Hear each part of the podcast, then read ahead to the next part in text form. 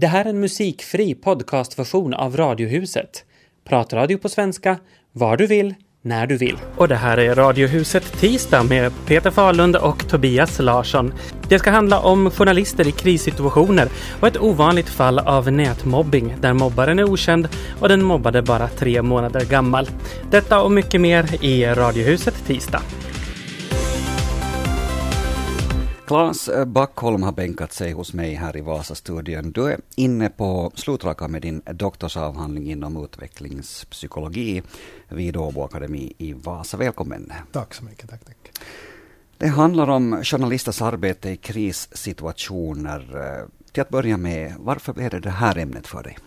Nå, egentligen så, så var det väl en ganska naturlig sån där början. Jag har själv en, en sån blandad utbildning i både utvecklingspsykologin och, och masskommunikation, då, alltså den här journalistikutbildningen. Och sen så, sen så var det väl ganska många år som jag jobbade som nyhetsjournalist där efter att jag blev klar och, och, och i något skede började jag tänka på att det skulle vara roligt att och, och studera vidare, for, börja forska egentligen, så, så äh, det var en ganska naturlig koppling. Jag var intresserad av både krispsykologi och, och förstås den här journalistiken. Då, så mm. så det var väl egentligen därifrån det började.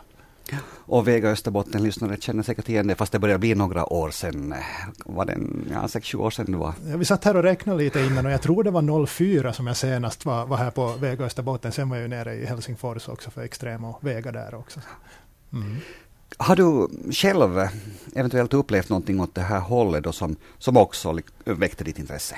No, egentligen inte några sådana riktigt stora saker. Alltså jag, jag, jag skulle väl säga att jag är en sån här väldigt vanlig sån här regional nyhetsreporter var på den, på den tiden åtminstone just det här att det var, det var en del bilolyckor och en del bränder och, och andra sådana saker som, som jag jobbar med och några översvämningar 2011 och så vidare bortåt, viktiga saker på den tiden. Men inte sådana här riktigt, riktigt stora saker. Att, att visst jobbar jag också då i, i relation till då tsunamin hände och, och också med de här Londonbombningarna, men det var aldrig så där så att jag sändes ut till platsen, utan jag jobbade så där som många journalister gör, man, man försökte ringa och få tag i någon, någon som var där på plats, som hade någon koppling till, till orten, och sen så gjorde vi intervjuer då med, med, med folk som var där på plats via telefon och, och mm. den biten.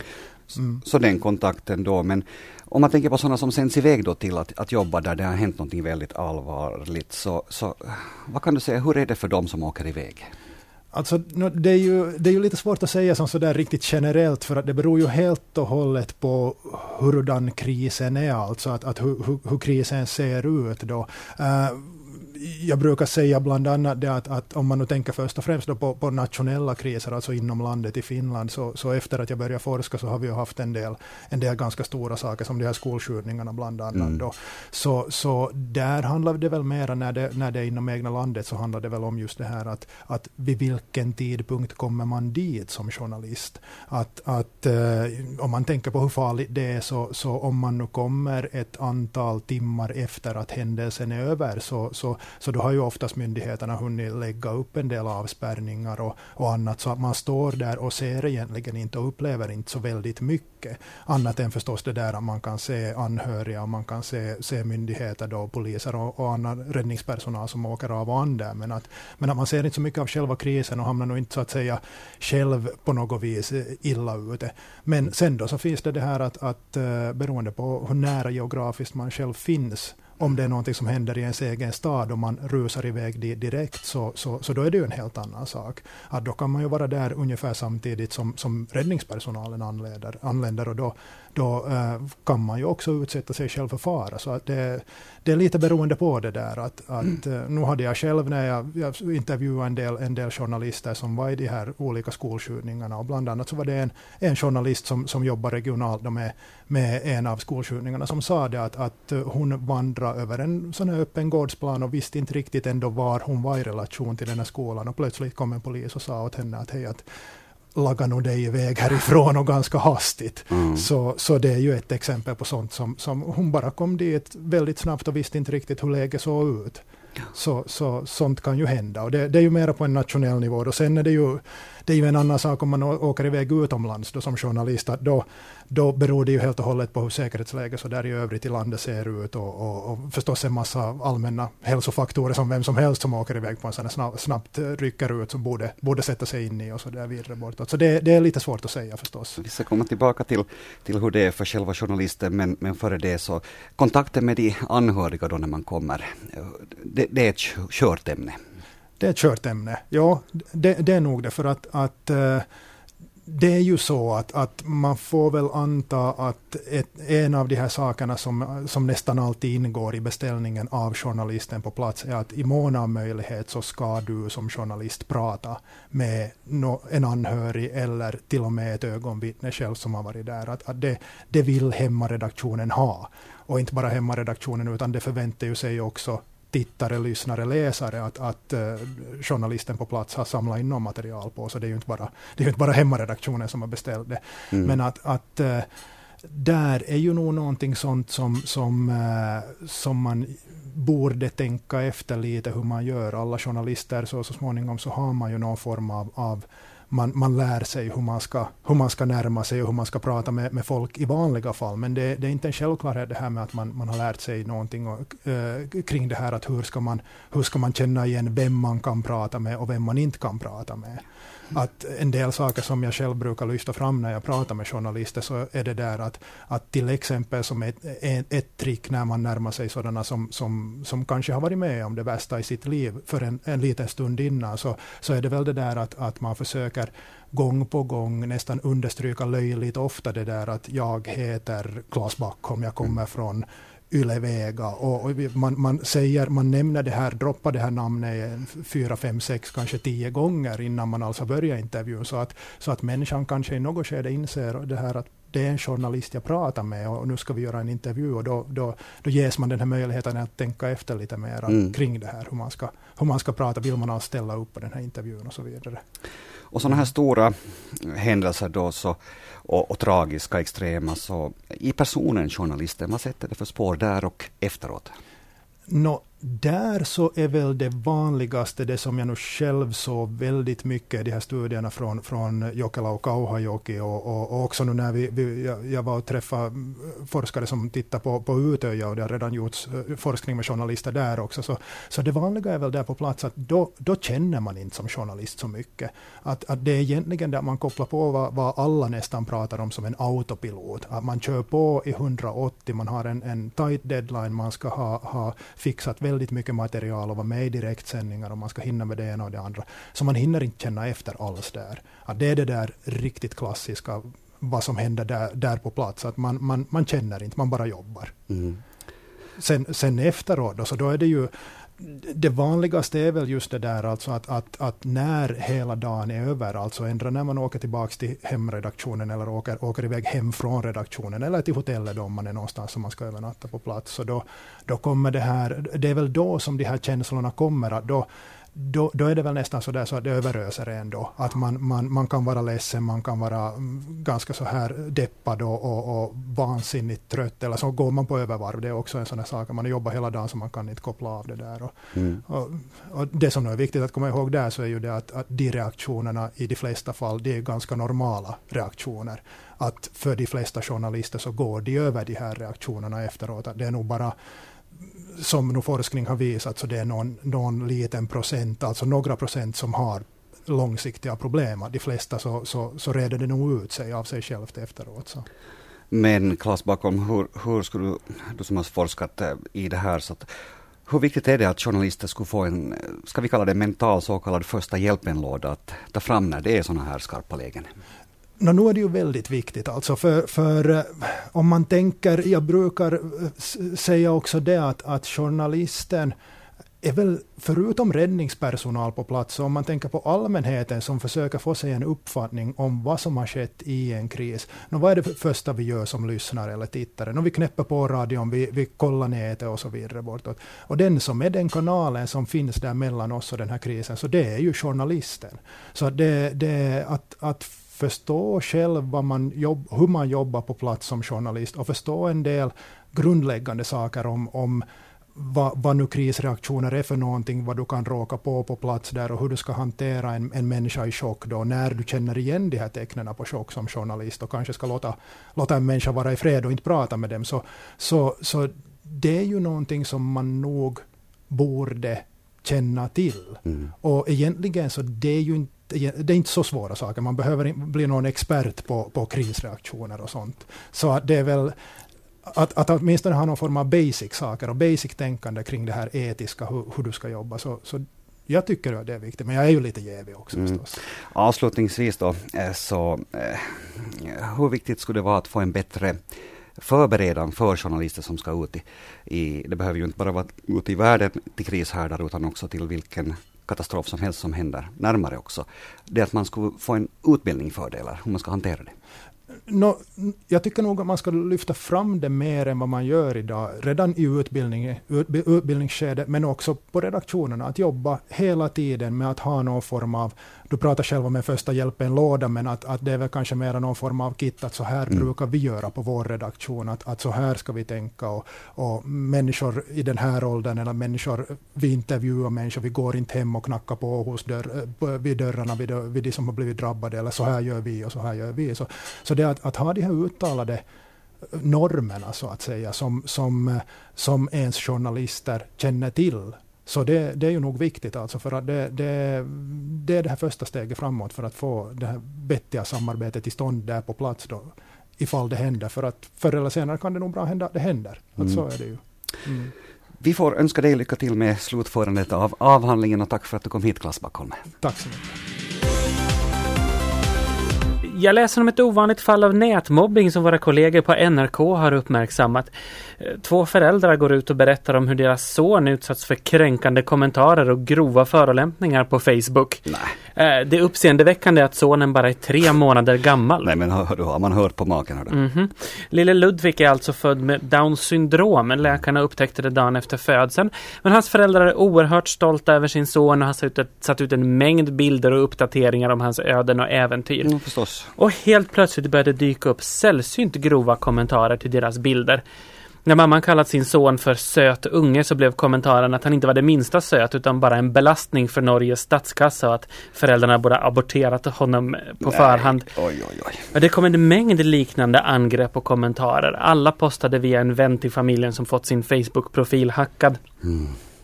Familjen och profilens ägare polisanmälde saken utan att det ledde någon vart för Facebook är väldigt ovilliga att lämna ut de uppgifter som skulle krävas för att gå vidare. Så den här aggressiva kommenteraren kommer helt enkelt undan. Ja, det var inte så roligt att höra det där Tobias. Men, men man förundras nog över hur fega människor det finns. Alltså jag undrar om man känner sig riktigt sådär tuff och modig och hår på bröstet när man skriver förolämpningar om någons bebis på nätet. Jag, jag skulle nog inte själv riktigt orka se mig i spegeln om jag sjönk till sådana nivåer. Och inte så många av oss andra heller. Mm. En som kommer till Ludvigs försvar är Hanne Matt Mattiasen som själv är född med Downs syndrom.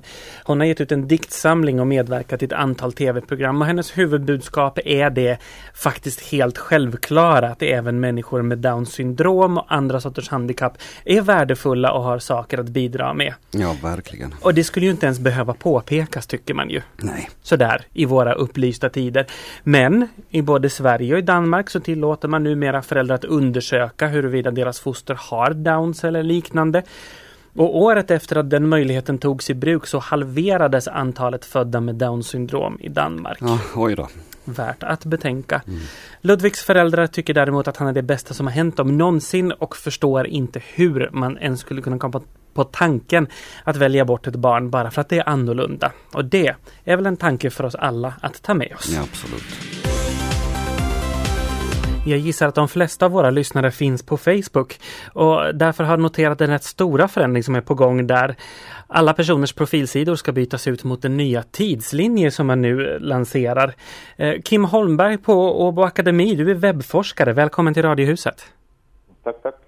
Eh, vad innebär den här tidslinjen för någonting?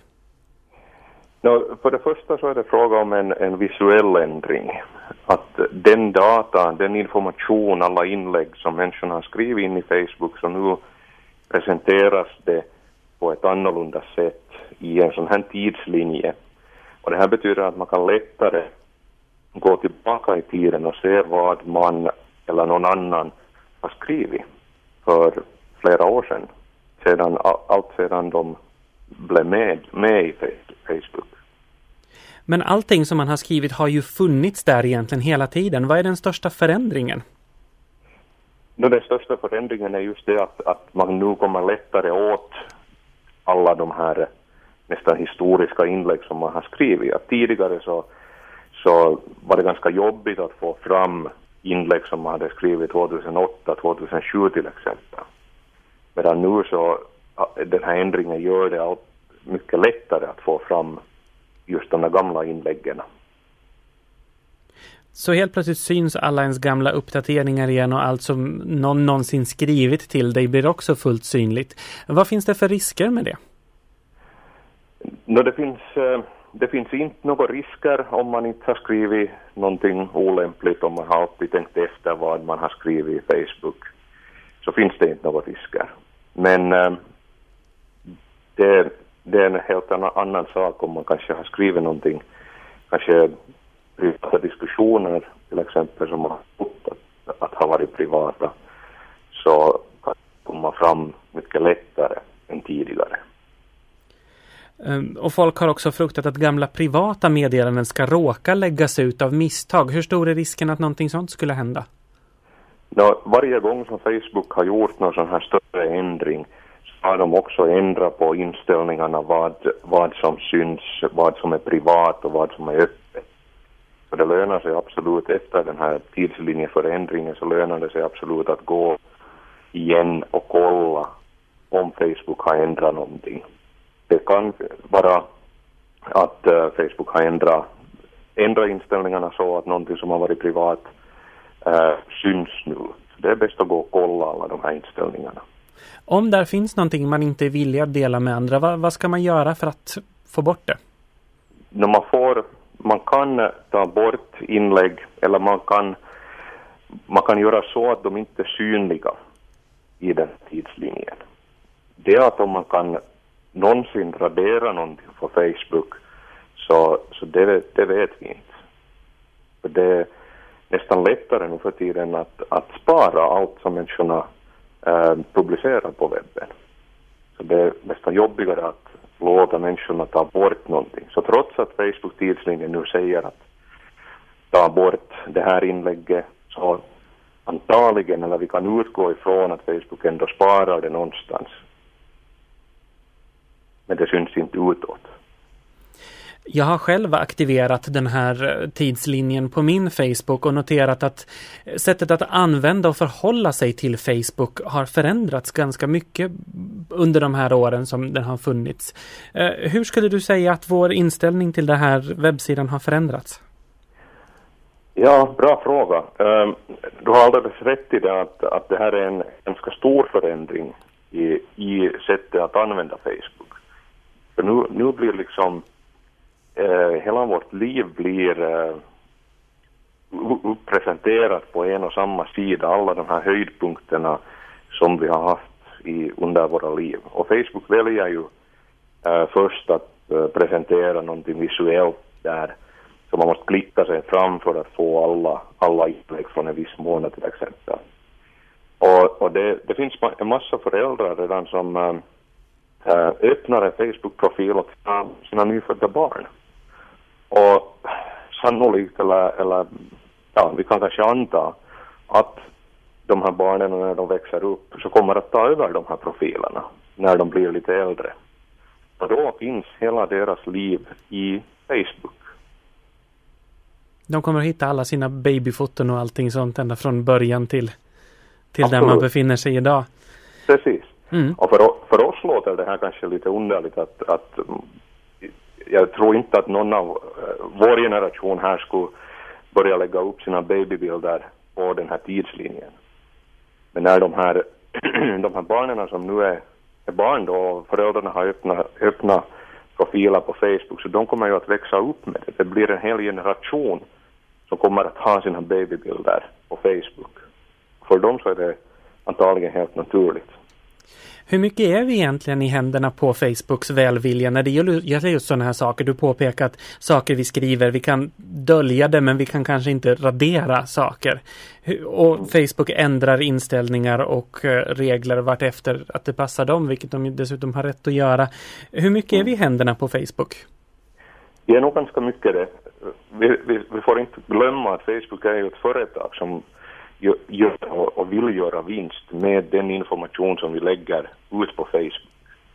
Och om vi är villiga att betala det priset att äh, Facebook vet precis vem vi är tack vare att vi har publicerat den information på Facebook. Om vi är villiga att, och tycker att det här är helt äh, rätt pris så, så då är det, ser jag inte något större problem med det. Men äh, det är viktigt att man är medveten om att Facebook garanterat använder den här informationen. Vad tycker du själv om tidslinjen? Uh, jag tycker att det är en, en, spännande uh, nyhet. Hela det, det här visuella så ser, tycker jag, mycket bättre ut. Och man kommer som sagt lättare till sina egna gamla inlägg också.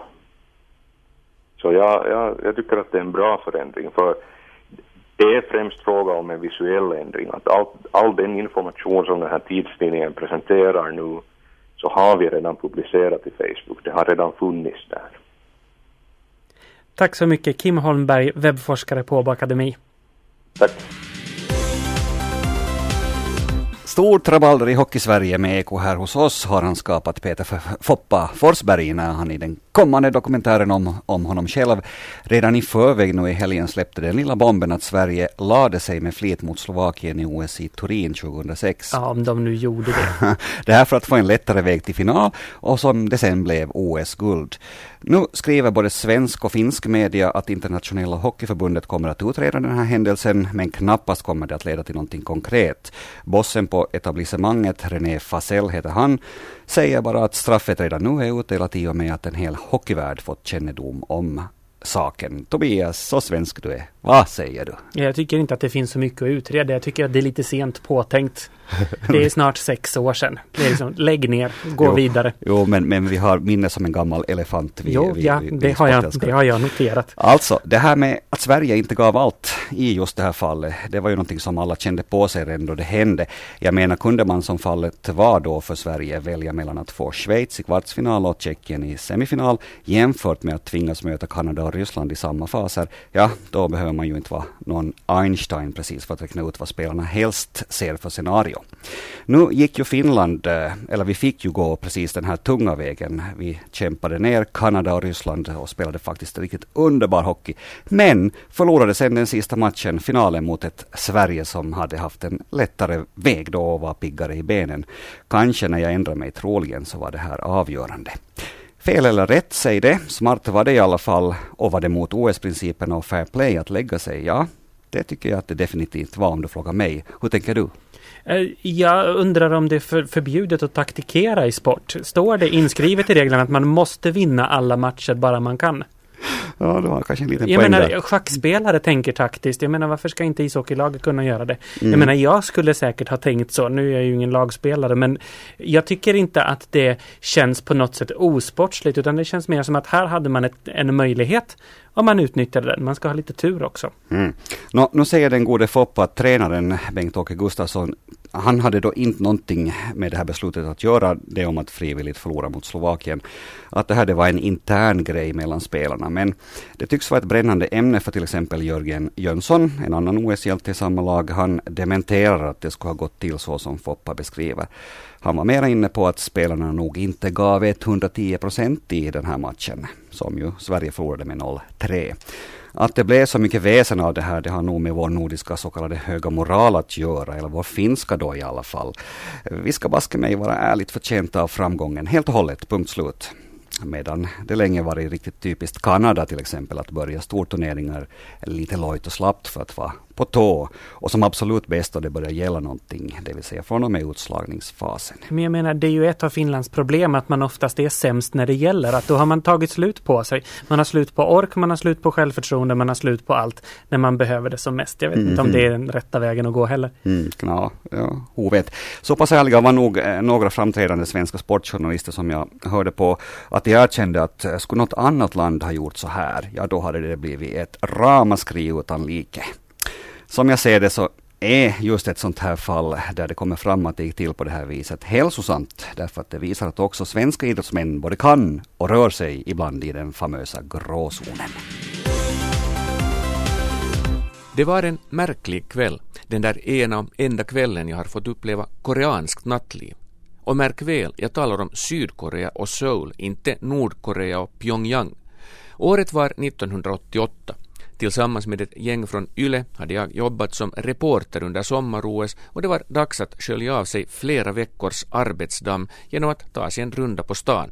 Tillsammans med kollegan Leif Lampenius hamnade vi till slut framför en maskin vars like jag aldrig hade sett. Idén var att du lade in en slant i maskinen och så drämde du till ett läderstoppat klot med knogen. Ju hårdare slag, desto högre steg pelaren som indikerade kraften i slaget. Minnet sviker mig hur vi kommunicerade med de koreaner som samlades kring samma maskin som vi, men till slut blev det någon slags landskamp mellan dem och oss. Så där stod vi i Seoul på småtimmarna och hamrade frenetiskt på ett läderklot så att knogarna först blev vita, sen röda och sen, ja, ho vet, men roligt var det och smått märkligt. Men det är klart, ska vi tala om märkliga ting på den koreanska halvön ska vi blicka norrut och tala om Nordkorea. Enligt FN finns det upp till 200 000 människor som lever mer eller mindre som slavar i så kallade arbetsläger. Miljontals människor svälter och ändå gråter man nu strida strömmar i offentligheten när den käre ledaren Kim Jong-Il har gått bort i en sjukdomsattack.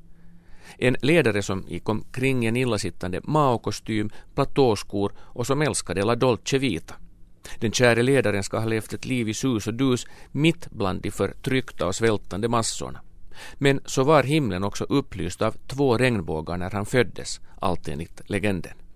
Kim Jong-Il hade under flera år en privat japansk kock eftersom han älskade sushi, särskilt sashimi, färsk, riktigt tuntskivad fisk. Det vet vi för kocken skrev en bok om sina år vid det nordkoreanska hovet efter det att han flydde därifrån.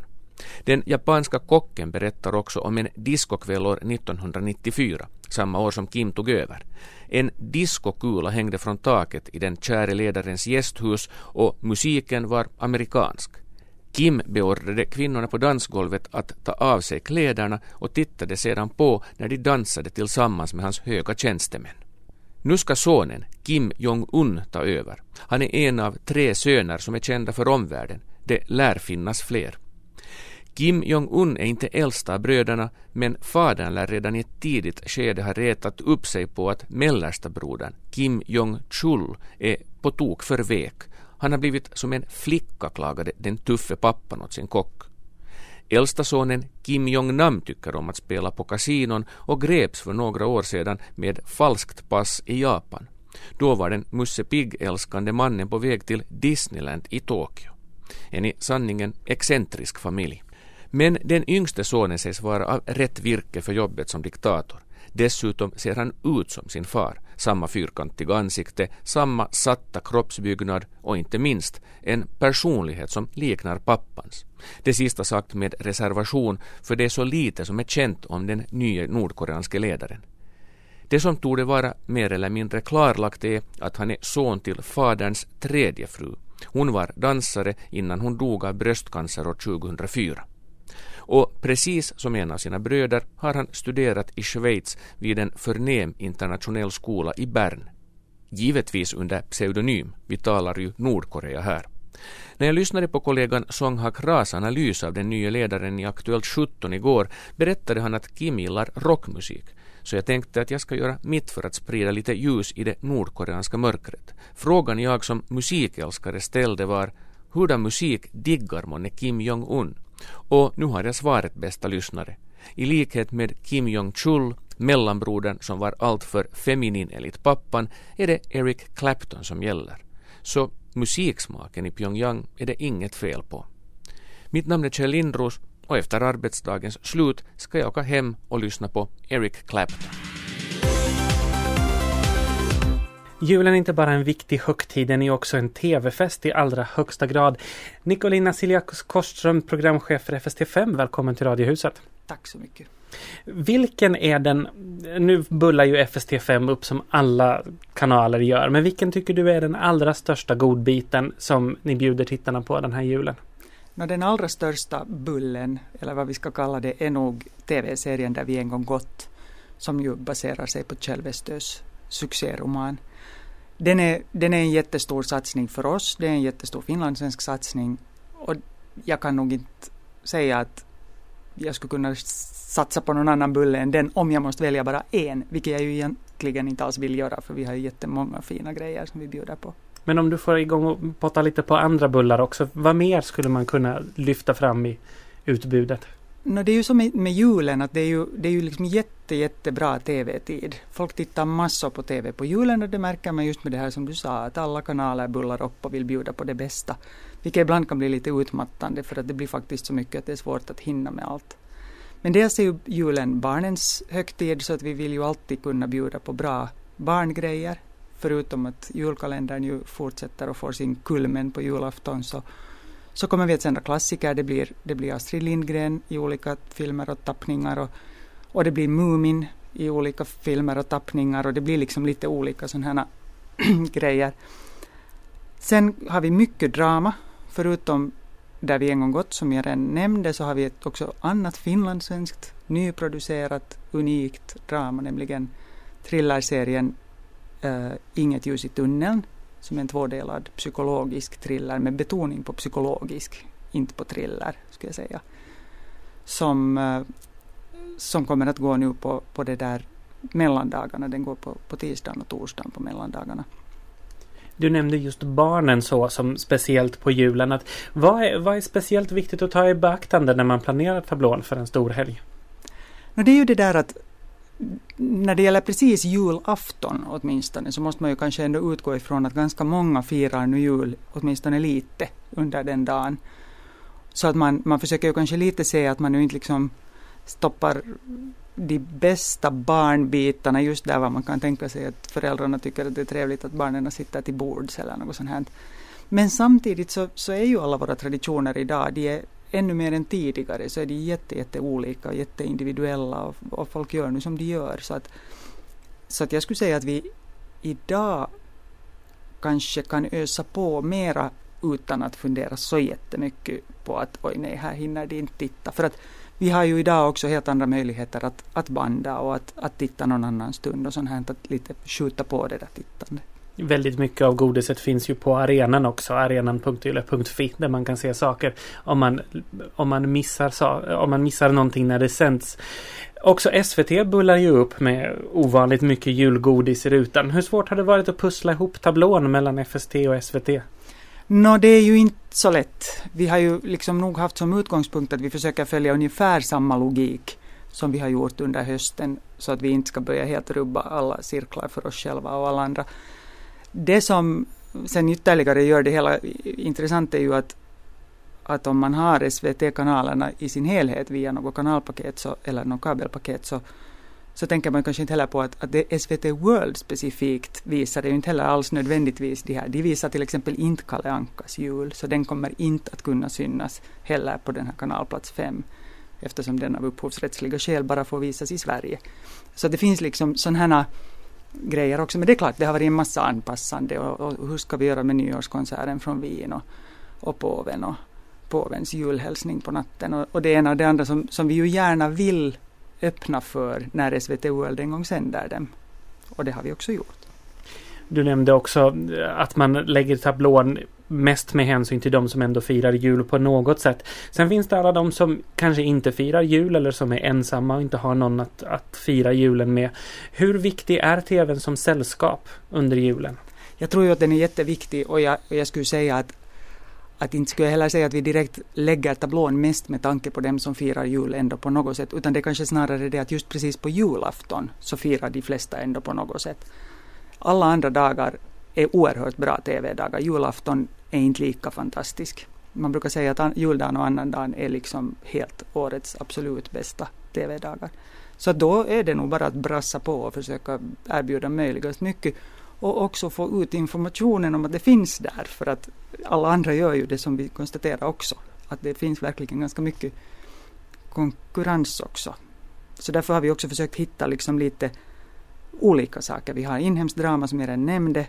Vi har nordiskt drama, thriller, Arne Dahl, jättespännande, mysterioso, ryslighet, blod, blod och krimi. Men vi har också dokumentärer, en tvådelad dokumentär om Vasaskeppet som börjar idag faktiskt, klockan åtta. Och en dokumentär om Jussi Björling och liksom, vi försöker nog hitta lite åt alla.